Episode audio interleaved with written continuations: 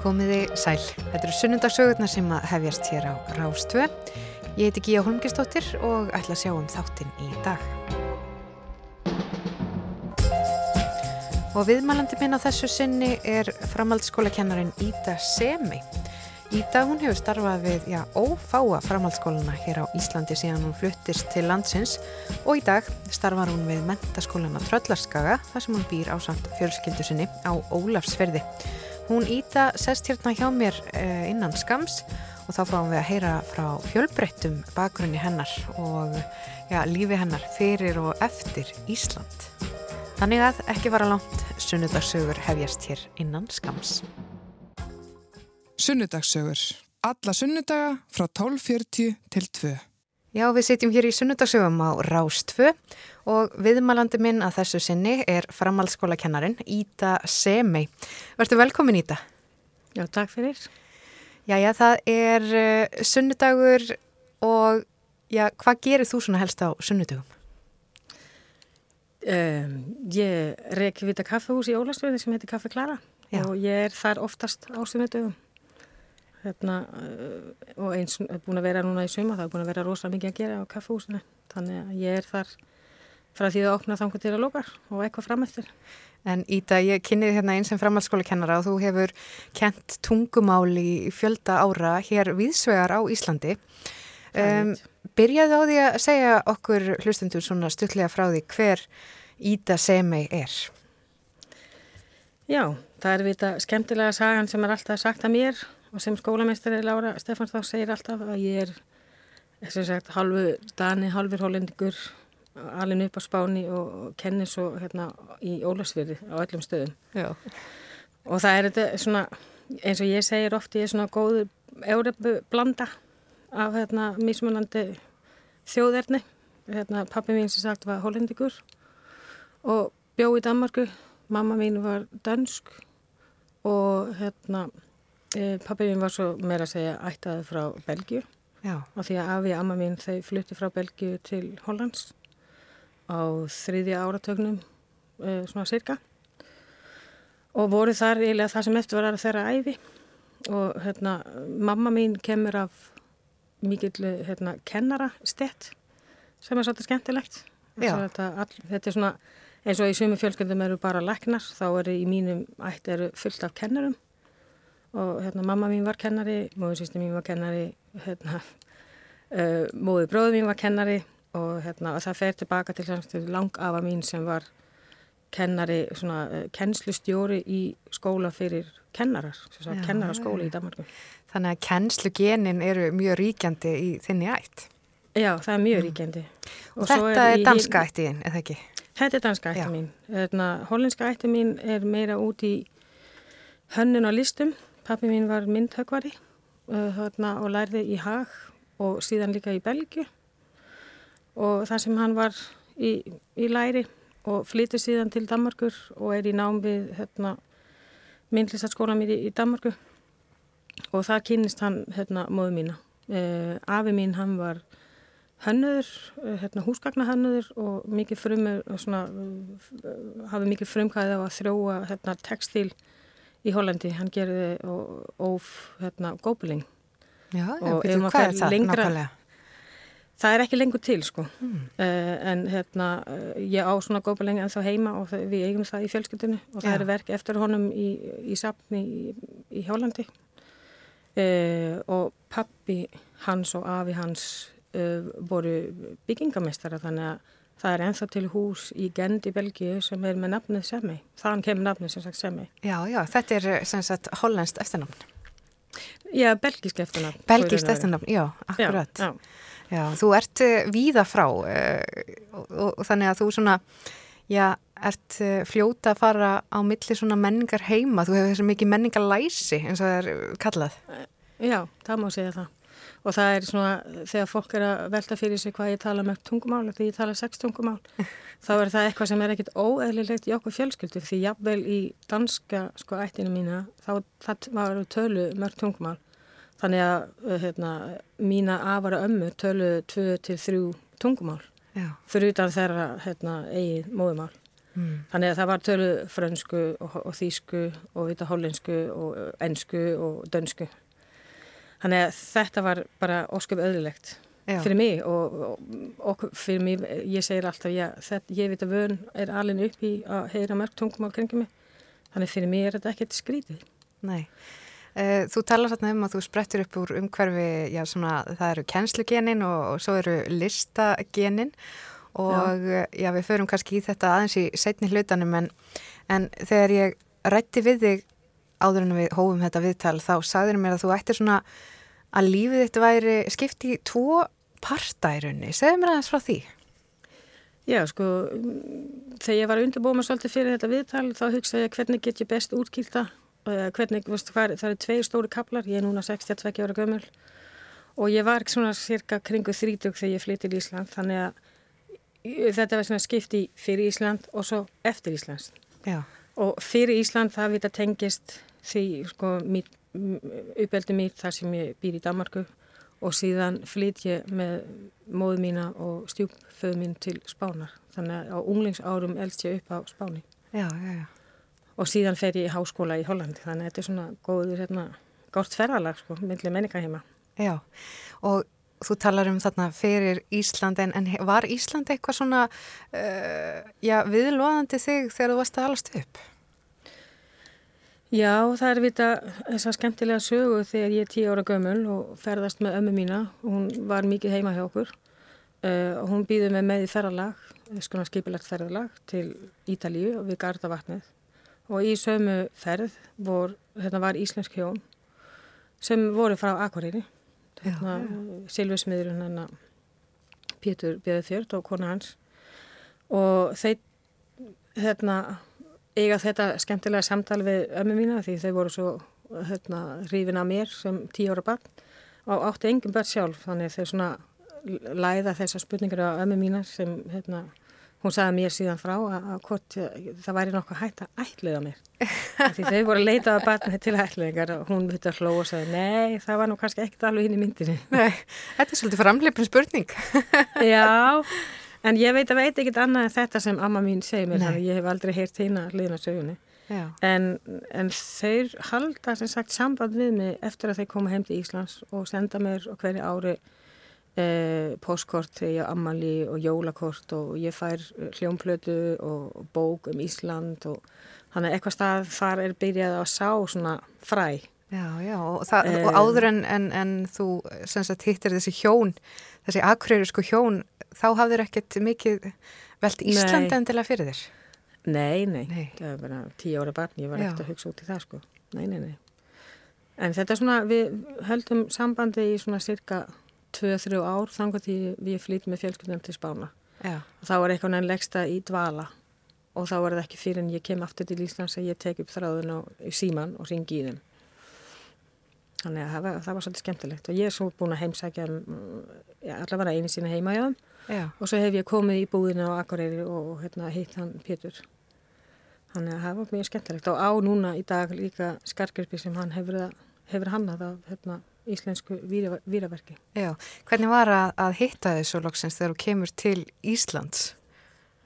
Ég meina þegar, þegar ég heiti hann. Já. Uh, ég veit að var kannski aðalega þegar við fluttum síðan norður að því ég bjóð í Reykjavík og ég kom mm. til Ólasveðar og þá ger ég mig ferðin til Akureyra og ringja undan minn til að kanna hvort hann væri nú við og hvena hann væri við það því hann kom alltaf einu síni á dag inn í, í búðinni Já. og hérna og ég fer sem sagt inn í búðina og býðu hérna bara, maður mín um að býða bara úti þannig að ég fer inn og, og hann kemur fram og ég kynni mér og hann horfi svona augnablík á mig og segi já þú hefur ekkert breyst það var samt búin að líða svona cirka 50 ár eða 45 ár eitthvað leys þannig að það var mjög skemmtilegt Já Já, við sitjum hér í sunnundasögum og, og viðmældi minn er hún Íta Semi. Við höldum áfram hér eftir stuttlag og auglýsingar. Sunnudagssögur. Alla sunnudaga frá 12.40 til 2. Já, sunnudagssögur hér á Rástvö halda áfram og já, ég er hérna sitt eh, með henni Ítu Semei tungumála kennara við mentaskólan á Tröllaskaga og Íta, þú ert nú búin að fara aðeins yfir uh, hvernig lífið skiptist eiginlega í svona fyrir Ísland og eftir Ísland. Þetta er svona mm -hmm. tveir hlutar og Já, þú sagðir okkur aðeins hvernig samt svona Ísland uh, tengdist inn í, inn í ferðalega með ömmuðinni en mm -hmm.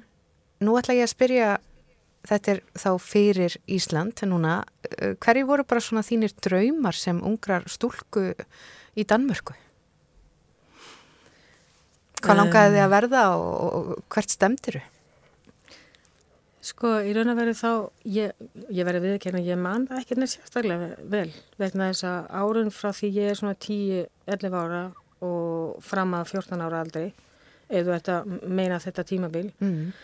Og þá lífiði við fjölskyldara mjög, mjög svona frábriðri, sko að segja, fjölskyldilífi.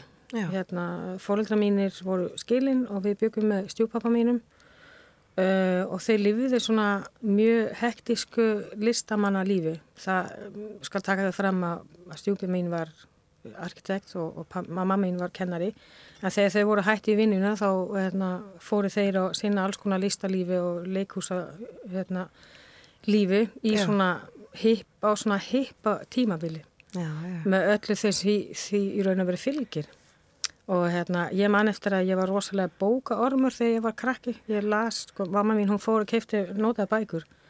Og það hurfið sko, hérna, kassanaða bókum þegar ég var bara eftir sumarið. Þannig var, ég las heil mikið það veit, var ekkit sjónvapn og það var ekki fyrir en að þættina eftir hérna með Líni Lánsokk uh, voru byrjið að sína sjónvapn í Danmarku að þá kefti þau sjónvarp og það var aðalega til þess að vika át um hort á líni landsók þannig það var svona fyrsta kynni að sjónvarpri hjá okkur veist, ja, það var ekkit ja. Hérna, og tónlistinni sem voru, voru með heima hjá okkur uh, við hafum oft hleyða þessu hérna, sískinu okkar á milli, það voru sko Bach, Beethoven og Beatles.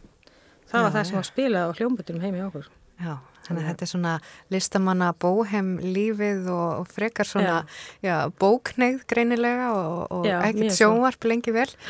Hvar var þetta í Danmörku sem að þú bjóst? Þetta var í, eiginlega bara í miðborg Köpmanna uh, á hérna, götu sem heitir Nöfæmakskeði. Þetta er eiginlega bara, uh, veist, ég tók spórvagn inn uh, í skóla og það kerði bara fram hjá raðhústólkinu. Uh, þannig þetta var svona fimm mínútir frá þar sem ég bjó í mm. skólan og hérna svona eitt af því sem kannski lýsir saga sem, sem poppar upp í hugan hjá mér sem lýsir svolítið hvernig heimilslífa hjá okkur að við heldum einn jól saman uh, og það var nú oftast hann að við heldum jól með afa og ömmu mína að meðan að stjúpa var við held jól með sína fjölskyldu sem sagt með fyrirverandi konuna sína og börni hans ja, ja. sem sagt aðfangendaskvöld en uh, þetta uh, tiltegna sko jólakveld þá hérna það var í 69 þegar fyrsta, var það ekki þegar fyrsta maðurinn setti fót á tungli minni mér ef ég mann rétt árið. Já, ég maður hérna, ekki alveg en, en nei, ég ætla bara að taka þig á orðinu. Já, og hérna það veit að var svo mikið hérna, um það að skrifa að fólk var svo upptekinn að því að hérna, við, hérna, það voru hengt sem sagt upp þrjú jólatreg í loftið og þeir svífi yfir svona gula plánita þetta voru jólatriðin hjá okkur þetta á sko og svona var þetta oft svona alls konar tilröðinu og alls Já. konar í gangi Já, hérna, ekki beint hefðbundið svona, nei. ekki verið að halda í hefðir eða svoleiðis Nei, ekki, ekki þannig sko, það var mjög svona frekar stíft uppeldi kringum mataborði Við læriðum að standa fyrir aftan stólinn og ekki tala þegar fullunum fólk vera að tala og svona. Mm.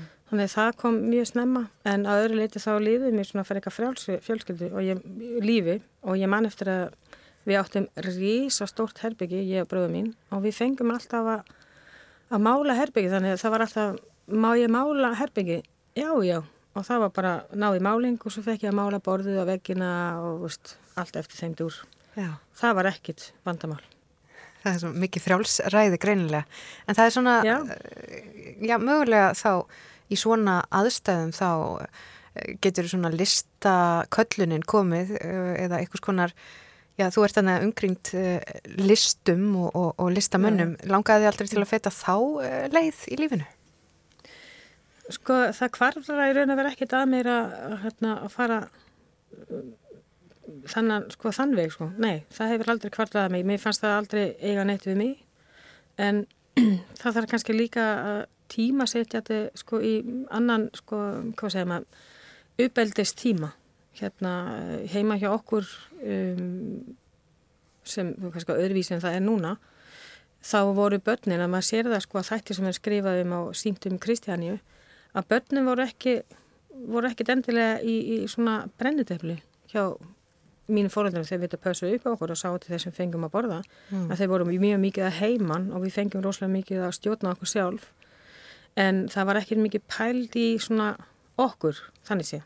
Um, og, og það er kannski svona bara eitthvað sem tengdist okkar fjölskyldu. Þannig að ég, það kvartlaði ekkit á mér. Ég átti mig ekkit neitt svona sérstaklega draumar um hvað ég ætlaði að vera. Ég bara man eftir að alltaf hafa verið svolítið öðruvísin allir hinnir En svo hérna ferðu að velja þér eitthvað skonar námsleið. Uh, hvað valdur svo já, þegar þú ferð svona að huga að framtíðinni? Menir það þá þegar ég hugsa um að fara í framhanskóla? Já, og, og, og háskólanám og slíkt.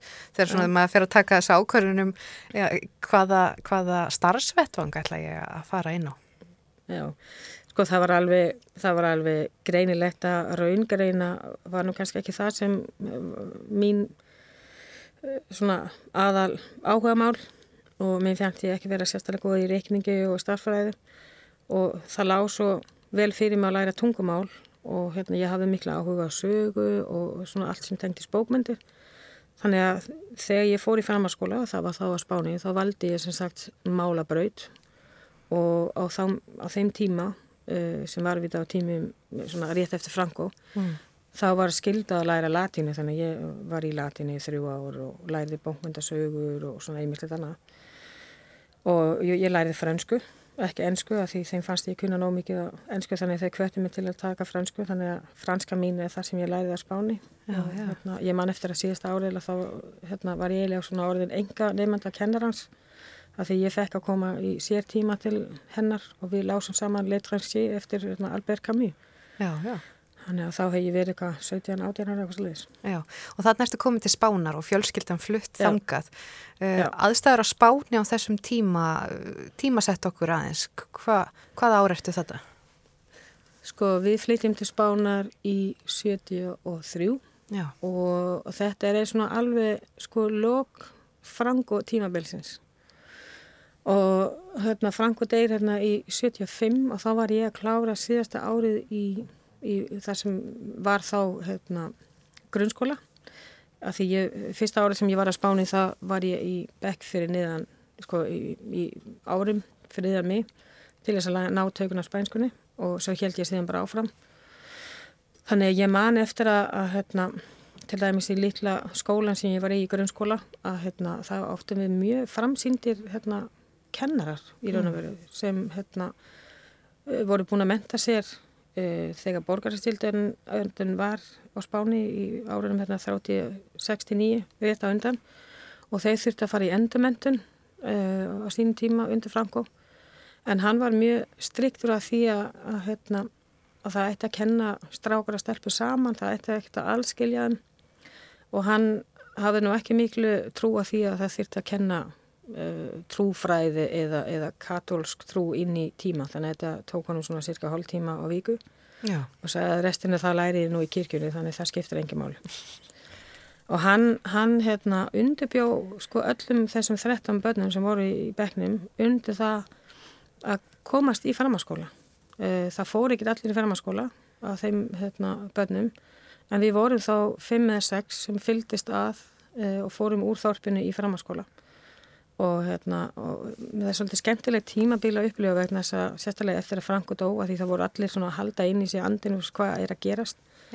Ekkert kannski ekki sama ofsið eins og að gerast nú, núna hérna í Afganistan. En ég man alveg eftir þessa spennu. Það heldur alveg allir inn í sig andan um hvað gerast nú. En það fóð sem betur fer á hérna betur en á að horf sko, það voru allir hrættur um að nú myndi, myndi heyrin taka við völdin og eitthvað sliðis en Já. það gerist nú ekki. En það voru mótmæli fyrir utan skólan og það komu löggunar og það var fólk sett kert í burtu í, í hérna löguröldu bílum og svona fram eftir götu. Þannig að þetta var mjög skrítið tímabil en líka svolítið skemmtilegt að upplifa að við læriðum sem sagt sögu út frá sjónahotni hérna Franko og vita öll að þeirra sko pólitíska stefnu og hérna, þegar það var komið líðræði á og nýjir ríkistjórn og þá hóft þetta tímavel þar sem sagan eiginlega var endur reytuð og eitt af því sem við þetta gerðist var að það var fyllt af torgum í, á Spáni sem hétt El Generalísimo hérna, Franco eða e, Plaza del Caudillo hérna, torg hérna, einræðið herrans. Það var að skipt nafn á öllum götum og öllum torgum. Svolítið svona eins og þegar Berlínamúnum fjall og, og hérna, alla Stalin, hérna, fígurina voru hend í burtu og rifið niður svona. svona samfélag sem er að bara losna úr uh, í svona greipum einhvers uh, já, afturhalds og, og, og stöðnunar en, Já, já. en þú ert þarna uh, já, ung kona, unglingur Mhm. á svona þessum árum, þessum mótunar árum þú Já. hefur ekkert ætlað að vera áfram á, á spáni og búa þar eða að móta þér framtíðina þar Nei, ég sko, ég var alltaf árið eldri og ég held að í þroska bæði vegna uh, því ég kom úr uh, sko, alltaf öðruvísi menningaheimi og, og líka bara út af því sem ég hefði upplifið gegnum mínum æfi og þá fannst ég með, sko ég var heima en samt ekki heima. Ég sá ekki alveg fyrir mig að flytja uh, sem þetta að fara í háskóla á Spáni vegna það þýtti að ég að fórða mín hefði þurft að borga fyrir mig allt saman, það var ekki hægt að fá námslám á Spáni og ég sá ekkert alveg fyrir mig að ég myndi eignast eigin mann eða stopna fjölskyldi á Spáni. Ég var ekki alveg þar, Nei. ég var ekki til í það þannig að ég ákvaði að flytja heim til Danmarku í 79. Já. Og það er árið sem ég klára mentarskóla. Já, já, já. Og hvað ferðu þá að gera þegar þú kemur aftur til Danmörkur?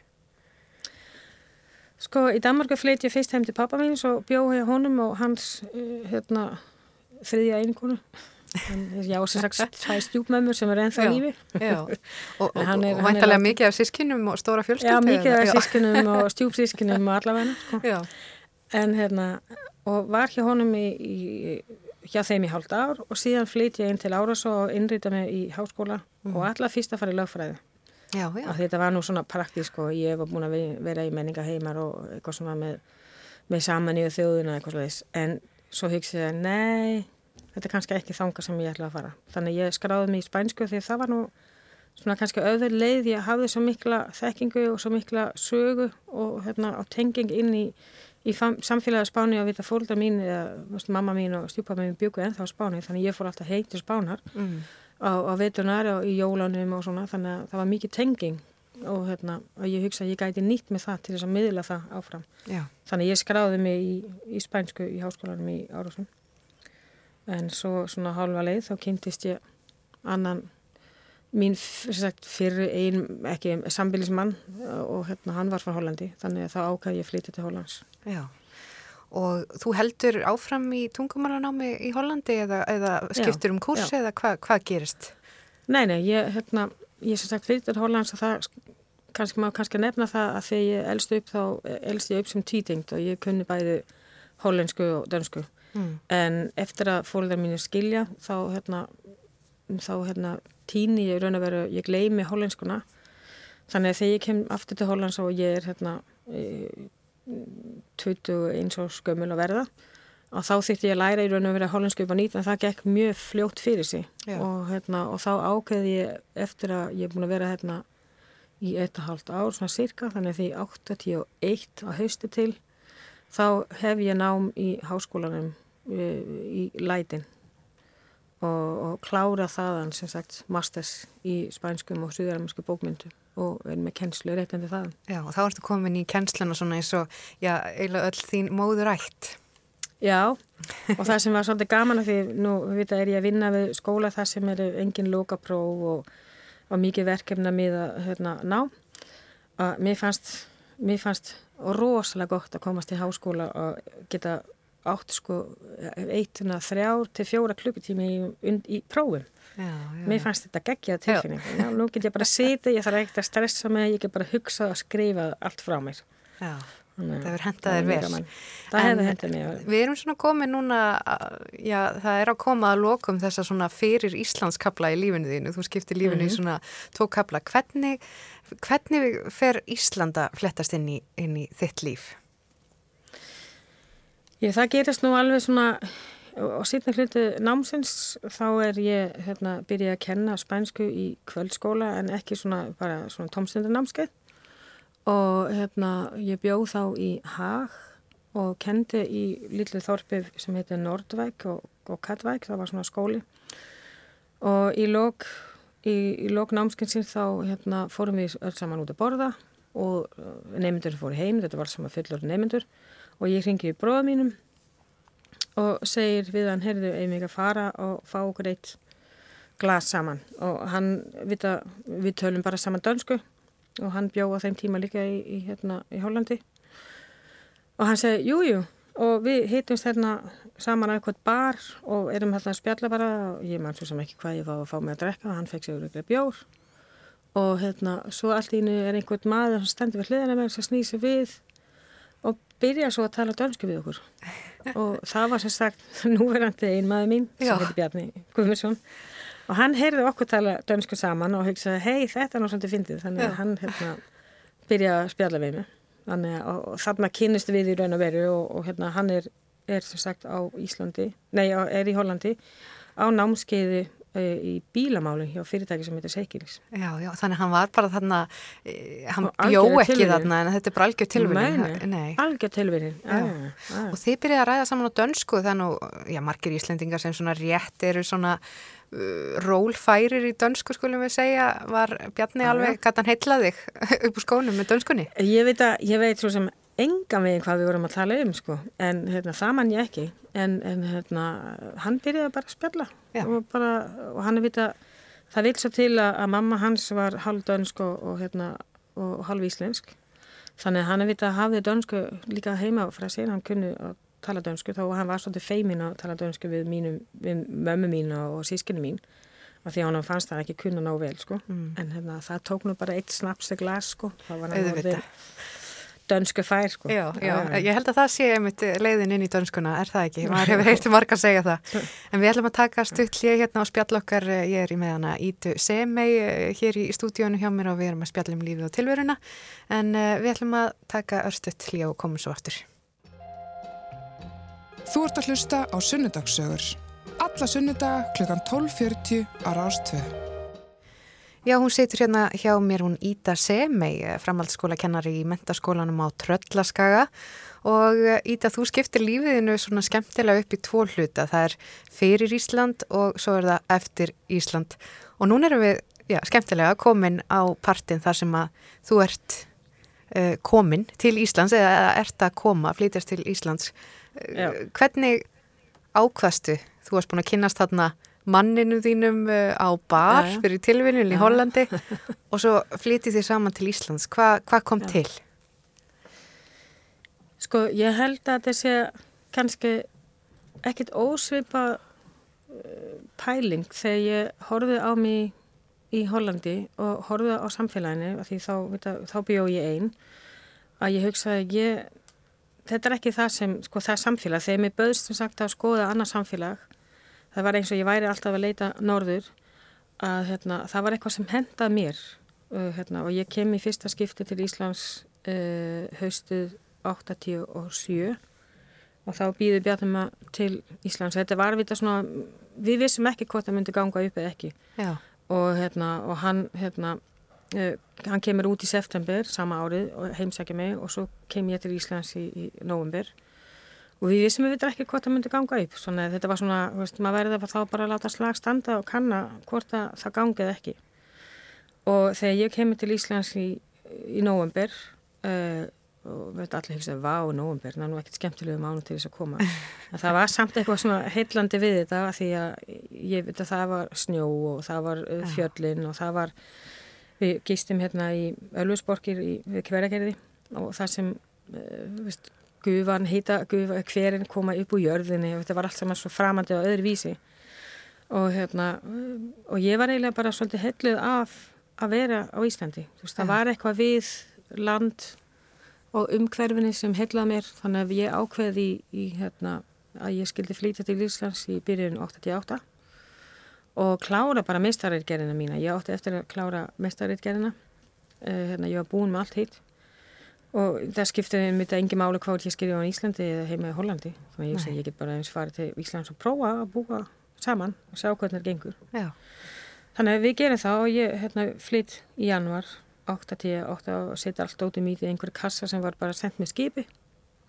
Ég án og kassan ekki lengur sko en mér fannst það alltaf að ég fyndi það var bara að skrifa heimilisfangu á kassan Ída Semi og svo var þetta heimilsfanguð og þannig kom kassan bara alltaf leitir í Ísland sko, með, með, með eimskipi held ég að það hafi verið og hérna og var hérna fram að voru til með svona einn mánuðir eh, kannski þar sem ég þurfti að skrepa í burtu af því að stjúpapin mín lest og ég þurfti að fara út í jarðförina og hjálpa móðu mína og svo kom ég aftur og fer síðan út til þess að klára þannig sumarið 88 þá er ég út í Hollandi, klára mestaragirðina og flytur svo alfarið í oktober, 12. oktober til, já, já. ég úrskrifast ég, ég held að daginn eða nokkur dögur setna þá hérna, flytjum heima, þá var Bjarni líka úti í úrskiptina. Já, já.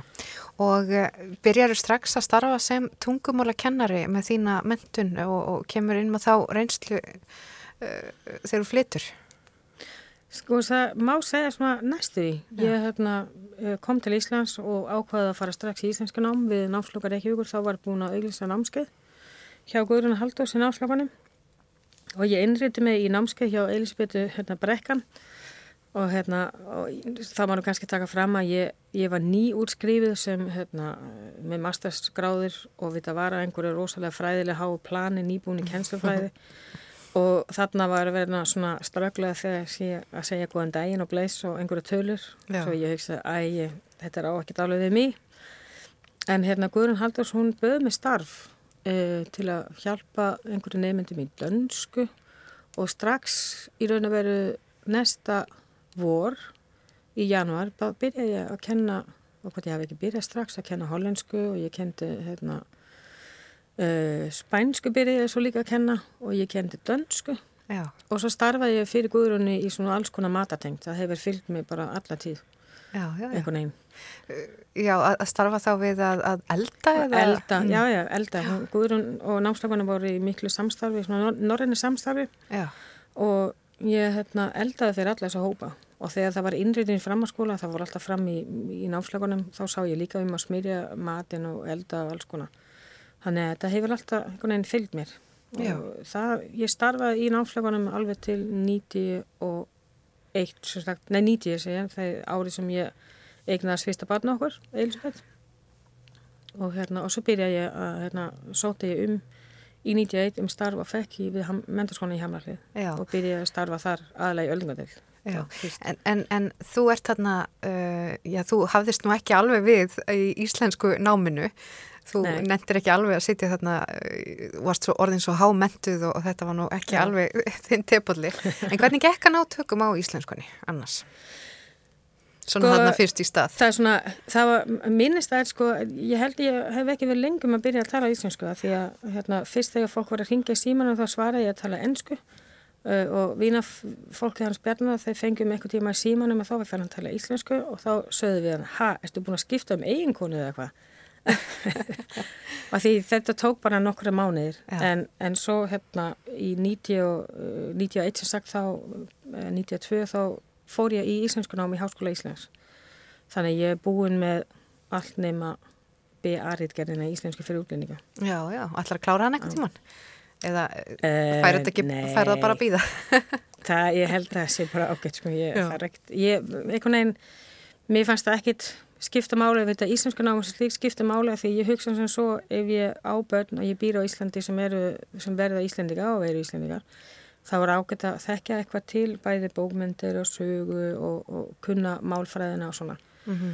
og hérna mm, og það hefur alveg sínt sér sko þetta, þetta skipta líka máli fyrir mig sem kennar að þekkja til og, hérna, og kunna að segja uh, hérna, íslensku úlinga fara á svona þetta á íslensku og svona er þetta á spænsku og þau alveg horfa mig, ha, hvað meina þau? Ég segi, já, spurðu bara íslensku kennaðinn og það er yfirlega rétt, sko þó ég tala með, sko, og skrifa með hreim, sko, þá málfræðareglur og, og setningafræði svona, það ég bara nokkuð Það líkur vel fyrir þér En þú já, varst búin að minnast á aðeins á fjölskylduna þína, þú sagðir já. að þú hefur eignast þarna eh, ykkar fyrsta barn 90 eh, já. og, og hvað, hvað eignist þið mörgbörn? Er, er, er, ertu með stóra fjölskyldu? Já, við erum vitað með svona skemmtilega samsetta fjölskyldu líka. Ég, við bjarnið um tvö börn saman, tvæ stelpur, það er Elisabeth og Anna Kristín. Og hérna, og svo, svo á ég, hérna, eh, vilja guttmólan hann Guðmund Rengi Bjarnarsson sem hérna flýtur inn til okkar þegar hann er tíur og gammal. Og auðvitað Guðmund Rengi, hann vita talaði íslensku og ég talaði enga íslensku Já. en hérna, hann sem sagt elst upp hjá okkur og býr hjá okkur, þá hann til hann freytir að heimann og hann býr núna með okkur að, hérna, í Ólasvili og svo, svo á Bjarni hérna, eldra dóttir sem heitir Þórin Elsa, þannig að við eigum saman þá fjögur börn á að segja Já, og bara líflegt fjölskyldulíf og, og, og Já, bara mjög lífi fjölskyldulíf og Mm. og, Já. og eftir, allt eftir þann dúr sko. Já. já. En svo byrjaru þarna í MH að kenna og þú fer beint í Já. spænskuna uh, og þú kennir nú í MH í, í já, nokkur ár. Uh, hvernig var sá tími? Alveg frá 91 til 2014. Já, Þetta veit að var tími sko, mikil breytingar. Ég veit að hef, í MH var ég aðalega spænsku kennari, engöngu í raun og veru Mm. og við vorum þrýr, stundum fjóri kennara jafnvel. Þetta var stór deild og mjög gott stamstarf e, milli okkar tungumálakennari í þriðmálum og það var mjög skemmtilegu tími og það er svo margt sem var að gerast í raun og veru. Það var að aðlast tungumálakennslu af hérna, að hérna, e, tungumála ramman og því öllu saman. Þannig að og, og það sem við vita kannski sem fer á stað hérna á þessum tíma er nótkun upplýsingartækni í skólastarfi og það er nú kannski svona aðlega minnistætt sko þegar við komum við suman heim frá sumafrí þá voru allt íni búin að taka alla borðtölvuna og þá voru komið fartölvu í staðan og það var ekki alveg búin að undirbúa allir undir Nei. þessa breytingar það var, það var svolítið töff tími sko en samt mjög skemmtilegt. Og hérna mér hef alltaf fyndist það mjög skemmtilegt að takast á við svona áskoranir. Já, en hérna það var ekkert skemmtilegt fyrir hérna tæknifólki held ég að þurfa að hlaupa inn og út í alla stofur og fara með fartölur á milli og alls konar. En það hefur alltaf fyllt mig, ég hef haft volið gaman af að hérna kannski ekki gera hlutina alltaf sam, á, sama hátt aftur og aftur og aftur, Mm. heldur alltaf að reyna að breyta til og gera öðruvísi og hérna tengjast í gegnum tölvu við annað fólk og við höfum tengst við fólki við Bólífiu og, og Spáni og bara allan hátt sko, þannig að það er um, skemmtilegu tími, já. já. Þannig að það er svona breytingatími í hvernig já. já, í tækni er notuð í kennslu og, og í tungumáli kennslu og til þess að Já, þetta bara ólíkum menningarheimum en síðan verð ég nú að koma inn á þú ert búsett á Ólarsfyrði og það varð ákveðin svona vendipunktur í þínu lífi þegar þú fegst ákveðið símtal frá skólamestranum þar. Um, segðu okkur bara svona sögun af því hvernig það varð að þú uh, flýst til Ólafsfjörðar Já, sko það vil svo til að, að hérna, ég man ekki nákvæmlega núna árið en ég sem sagt fer á námskeið í nótkun upplýsingatækni eh, svona alveg að frimst í, í Armúla, þetta var endurmyndur námskeið og það var Lára Stefansdóttir sem held þetta námskeið og síðan kom Lára Stefansdóttir til að vinna í skólam hjá okkur sem svona upplýsingatækni ráðgjafi og í 2010-11 þá ringir hún í mig og spyr mig hvort ég væri til í að kenna spænsku sem fjarkennari úr, úr Reykjavík sem ég og gerði og gerði það í alveg þrjú ár. En svo vita í 2014 þá er dönsku kennari sem fer í meistaran á og Lára ringi í mig eh, voru 2014 og segir já já ég verði nú eiginlega að spyrja áður en ég þarf að auglýsa. En getur þú hugsaðir að koma norður? Uh, ég veit að við erum hérna hér að veraldar og svæmstu gödum en gætur þú hugsaðir að koma að kenna dönsku og spænsku? Og ég veit að við hlóum báðar að þessu og fannst þetta bara fyndið og hún fannst að hún ætti að spyrja mig og ég er svona, já, right, ég, hvað ég gera hérna hér að verald alveg Mm. lengst, ég var búin að koma til Úlfarsfjara og vissi alveg hvað, hvernig þetta var og, og það er Já. sama en ég ákveði síðan að spyrja heima fyrir fjölskyldum mína og hérna og það voru kannski allir á eitthvað svona ákveðin tímabili í, í, í lífinu þar sem, sem við vorum svona tiltölulega laus. Fóröldar hans Bjarnar voru fallin frá bæ, sko, bæði. Uh, hann var búin að selja fílatæki sitt Anna Kristi var nýbyrjað í MH en var alveg tilkipileika að færa sér annað. Gummi, hann var ekki í neina vinnu. Þannig að það horfði bara allega um að segja já, okkur ekki? Og ég alveg, ó já, þú hefur nú verið svo- bara frekar hissa á þessu. Ég var svolítið heisa, mm. ég alveg, um, hm, svo ég hef vitað hringdi aftur í Lára, í Lári og bara, við hlóum bæða að, hérna, og svo fórum við í Norður til þess að skoða aðstæður. Af því þau höfum við aldrei komað til Ólasverða og aldrei séð hvernig þetta líti út alls saman. Já. og hérna, það vil svo til að við fórum til Ólasverða í glampinu bandi Solskin og það var e, Bjarni hann talaði ennþá um hvernig snjórin svona glítraði allur þetta var ofsalega kallt en ofsalega fallegt viður þannig að þau voru bara selt bara, það var bara það var bara ákveðið að við skuldum fara til Ólafsverði, þannig að ég tók launarins frá MH í tvö ár. Já, þannig að frá árinu 2014 þá hafið þið fjölskyldan búið á Ólafsverði Já Og þú starfar þannig við mentaskólan á Tröllaskaga, ert þannig í dönskunni og spænskunni. Uh, já, já. Hvernig, já, hvernig er lífið á Ólarsferði hjá ykkur fjölskyldinni og þér? Sko, það er vita, nú, það veit nú svo til að báða stelpun að búa núna í Reykjavík og það tengis kannski bara aðlega þeirra námi. Vist, Elisabeth hún er, fór í Háskóla Íslands og Anna Kristján hún er, að, er í hérna, málaran, sem sagt í tækniskólanum og kláraði reynda mentarskólan frá MTR En, en hérna Guðmundur Ingi hann býr ennþá fyrir norðan, hann er búin að kaupa sér íbúð, við erum búin að kaupa okkur hús og það er vita að alla leiðir eru mjög stöta, mjög stöta bóðleiðina og það er allt til alls sko, í því umhverju sem við erum í. Já. Þannig að við þurfum ekkert að hafa ákjör, það er, er sjúkurhús og það eru leknar og, minna, það er tannleknar og það, veist, allt þetta sem snýra svoleiðis sko, þjónustu er til staðar. Og svo er þetta kannski bara lítið samfélag sem eins og í öðrum lítið samfélagum vonandi að þegar eitthvað bjátar á eða kemur eitthvað upp á þá, þá hérna, koma allir til hjálpar og hérna, standa saman. Það getur við að vera ágreining millir fólks og hafa mismandi skoðun og ymsa hlutir en yfirlegt þá finnst mér þetta bara það er þetta gott sko, samfélag að búa í. Já, og þú ert nú þetta með kaffihús, reyku kaffihúsi, kaffiklöru, svona samlegaði að vera kennari. Já, já. Við sem sagt, keiftum kaffiklöru í, hérna, sem er staðsett í gamla pósthúsi í Ólagsveri og við keiftum það í 2000 og, það er svo fljóta líða 2016 minnum er voruð 2016 Já. og hérna hefum reykið það síðan meðfram á Jésu sem ekkert alltaf búin að vera í fulli starfi meðfram þetta. En hérna e, í COVID í fyrra þá byrjaði ég aftur að kenna full starf og, hérna, og Bjarni hann er að starfa hjá Íslandsku Gámafélaginu Þannig að við reykjum þetta og þetta hefur alltaf verið svona, svona, svolítið svona fjölsköldi reykið. Það er að segja að hérna, Anna-Kristina hefur unna kaffehúsið, hún gerir það nokkið lengur.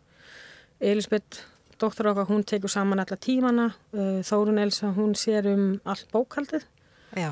og hérna gera ásveikningar og svona. Bjarni, hann sér um bókaldið og stofna allt saman. Þannig að þetta er rosalega svona enginni svolítið að því að okkar einn stempil á hérna, kaffehúsinu. Þannig að það er mjög skemmtilegt kaffehús. Svo ertu nú... Finnst mér. Í finnst þér, já, svona kallt mat. En, en þú veit nú líka, já, ég talaði nú um það við þig í, byrjun þáttar að, að listin fylgir þið svolítið og já, fyl, ég var svolítið svona ábyrjandi í æsku umhverfiðinu en, en þú ert svona mm. aðeins farin að taka svona þín skref í, í, í listinni. Já. En það tengis nú kannski þetta með sem bæði sem fórældri og sem kennari að maður er alltaf að reyna að hvetja aðri til þess að fara út fyrir bóksið og akkur gerir ekki svona, prófunu þetta eða eitthvað. Og í fyrra í ágúst þá hugsaði ég svona eftir að það var búin að vera COVID halvt ári ég hm, kannski ég ætti bara að gera þetta sjálf. Þannig að ég bara kefti penslar og stryga og byrjaði að fykta og ég hef bara ekkert hægt síðan sko. Hérna, undarlegt hvernig alls konar tækni og myndir koma upp í hugan og það hætti að festa þetta á strígan og alls konar tilröðinni og ég vita búin að horfa upp á, á hérna, list frá því ég bara blöti basmeinu og eins og pabbi mín hann, hann, eh, hann hérna, gerði grími fyrir, brú, í brúðuleikhús og fyrir leikhús og, og dú, dúkur fyrir brúðuleikhús. Og skar út í tri og gerði hérna, plakkut hérna, og stjúpappa mín hann sapnaði Eh, list, listaverk. Þannig að hérna, við erum búin að, um, um, ég er búin að umgangast sko listafólk alveg frá breytu basbeinu og maður er búin að horfa á alls konar skrítna hlutir. Já. þannig að ég hugsa að kannski ég ætti bara að fara að gera það líka. Þú ert greinlega óhrættu að fara nýjar leiðir. Alveg uh, og við erum búin að hlæja mikið Bjarni hann er búin að hlæja að hlæja hlæja að því hún er fyrst að það fyndið. Og svo er hann svo mikið segja frá einhverja síni sviðu hann, ég, ég kem alltaf að spyrja Hvernig finnst þið þetta? Hann segi, ég bara veit ekki, mér ditt er ekkit hög að gera svona eins og þú, en bara, gera bara það sem þið vinst. bara... Uðvita, en Já. í það sem við skulum taka örstuðli og, og svo komum við aftur hér eftir öskamastund. Sunnudagsögur. Alla sunnudaga frá 12.40 til 2.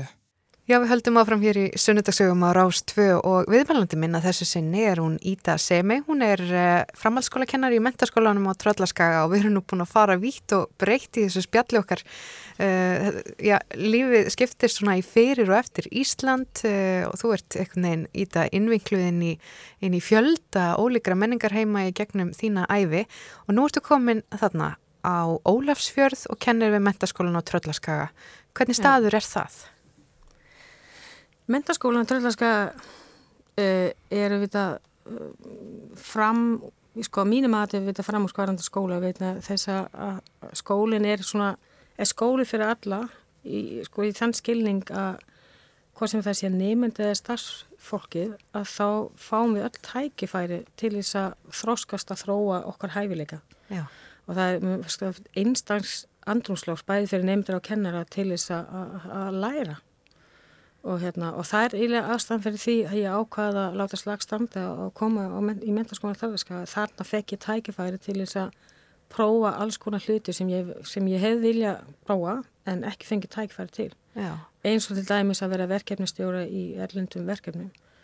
Og, hérna, og skólinn er við það eins og ég, þú veist, krakkana er að neymundur og kennara er að fara erlendis í verkefni. Og þetta er bara eðlega hlutur af starfinu er að fara í alls konar ferðir mm. sem tengist endurmentun og samskip, sko, svona, uh, hvað er samstagsverkefni millir skóla Já. og þetta Svona, þetta... ég kalla þetta svona, þetta svona lífrænt, lífrænt umhverfi. Maður hefur þetta heyrt um mentaskólan á Tröllaskaga þarna að sé mikill sköpunarkraftur og auðvitað já. flesti nefndunir eru fjarnemar þannig að já. Eh, tæknin er þarna nýtt til eins ídrasta. Já, Þetta, skip, þetta skiptir við engi málu hvort sé staðni með fjarum, þetta er allt sama sama. Veist, að, það er allir að, því við erum með fullt af til dæmis myndlistaneymar og, og hérna, tónlistaneymar sem eru í afverks íþróttafólk og þeir eru allt saman, þetta eru fjarneymar kennaræna sem er búið erlendis og mæta í tíma í robotar og ég meina, þetta er allt saman, þetta virkar svo framandi en þetta er svo eðlert hjá okkur Já. og það er engin vandamál, það eru verkefni og verkefni verður bara leist sko, mm. veist, það, það er bara ekkit annað sem heitir sko. En Íta, uh, já, þú ert uh, viðsvegar frá einhvern veginn úr heiminum, talar mörg tungumál uh, en þú ert búin að vera hér á Íslandi frá því að þú varst 29 ára mm -hmm. um, maður velti fyrir svona þessari stöðu að vera útlendingur á Íslandi og til dæmis Já, ég veit að Íslendingar eru alltaf mjög forveitnum bakgrunn fólks, er að rekja ættir og ímislegt. Er svona fólk, er, er fólk forvitið um þinn bakgrunn? Eh, sko, ég held þetta, sko, í raun og veru ekkert, sérstaklega. Ég held að fólk sé kannski bara áttast ekkert alveg hvernig því að fara að því að koma staði því ég veit að heitir ekki dóttir, ég er Já. ekki herbergsdóttir og þeir hafa engin, sko, getur ekki tengt við mína bakgrunn, eðlilega. Þannig að, hérna, það hafa ótt verið svona umræður, uh, já, býtunum við, þú ert frá dóttir hans hérna, og, eða sonur hans og svo byrja fólk að sýta saman. Já ég, við tengjast í svona ætlið eða með inn á íslendingabókuna sér allar þetta fólk hvernig þetta tengt. Og þessi var, já hann var prestur, hann var kennari, hann var að vanna að vinna í fiski eitthvað svona, það ja. vitur ekki þetta hjá mér. Það tengir engin við þetta og kannski mætti, mætti vera meira svona forvitna og kannski bara vera ófeimin við að spyrja. Eitthvað hætti að vera hrættu um að spyrja veist, hvaðan kemur og býtu hvernig voru fóröndu þína hvað voruð að gera og eitthvað svona. Já. það vætti alveg vera meina sko. Eh, finnst þið fólk hafa verið feimið bara bókstallega við það, þó kannski þau hafi viljað eh, vita eitthvað um þinn bakgrunn en, en bara eitthvað nefn ekki vita hvernig ætti að, að fara inn í umræðana Já, ég held að þetta tengist uh, mest að hluti svona feimni en það má kannski líka bæti við feimni við því að tala mm. þá erlend tungumál. Uh, ég var að rífi döp við Bjarnar í, í gær að þegar ég kom til Íslands þá var mjög fólk, margt fólk var feimi við að tala ellin tungum og að tala einsku þannig að þeir vildi, lókuði freka munnun að sögðu ekki neitt heldur að tala við mig. Já. en það hefur breyst, þannig að fólk er alveg að tala við manni. Og mm. maður sér alveg og, og, og nefnendur og krakkanir að, að þeir þóra alveg að tala ellin tungum en það mætti kannski alveg vera meira svona svo þetta er svona að bjóða fólk velkomin og segja, já, býtum við, hvaðan kemur þú? Og má ég spyrja það er allt í lagi? Get ég, veist, mm -hmm. segðu mig frá Já. þannig að maður næri einhvern svona tengingu akkurat. Ég ætla að klára þetta uh, skemmtilega spjallokkar í þetta á einni spurningu sem ég veit að þú hefur nú fengið marg oft í gegnum tíðina. Uh, það er svona stór spurning uh, sem er af hverju Ísland? Af hverju ákastu að, og af hverju býrðu hérna ennþá? Af hverju Ísland? Já, það er svona sem ekki bara íslendingar sem spyrja mig, það er líka útlendingar. Hvað ertu að gera hér? Og horfum það með stórum augum mm. eins og þeir halda að það sé miklu betur að vera eitthvað annar staðar. Og ég segir alltaf að hérna, fyrir mína part þá er, hefur Ísland verið svona landtækifærana. Eh, það er kannski líka vegna þess að það er ekkit svo mikið af hérna, búrukrasi að þú veist, kerfið er ekki svona stíft eins og það er alveg það er stutt, stittri bóðleðir og í raun og veru þá er, er mikið lagt upp á því að fólk síni framkvæði. Og það er metist mikið að ef þú er að sína framkvæði og ef þú ert að þóra að fara nýja leiðir og því það þarf við það fólk sem, sem kann að fara nýja leiðir og, og sjá hlutina öðruvísi hátt. Já. og það er hægt á Íslandi, veist, það er það sem ég er að gera það verkum að ég sá að ég gæti alveg verið hér, því hér hef ég fengið tækifæri. Og það, ég man eftir að einsinni þá spyrði þáverandi rektor mér hérna Lárus með í MH uh, eh, hvort það væri eitthvað sem ég hef ekki fengið að gera ég bara hóruð á hann að sagði ég held ég hef nú ekki alltaf spurt hvort ég mætti gera eitthvað ég man ekkert eftir að ég hef ekki fengið að gera eitthvað sem ég vildi gera Já. þannig að, nei Þannig að Ísland er fyrir þig land tækifarana. Það er gott Já. að ljúka á þessu. Takk fyrir komuna í sunnudagssögur og takk fyrir að segja okkur hlustendum frá lífslöpiðínu. Íta Semeg, framhaldsskóla kennari. Takk fyrir mér.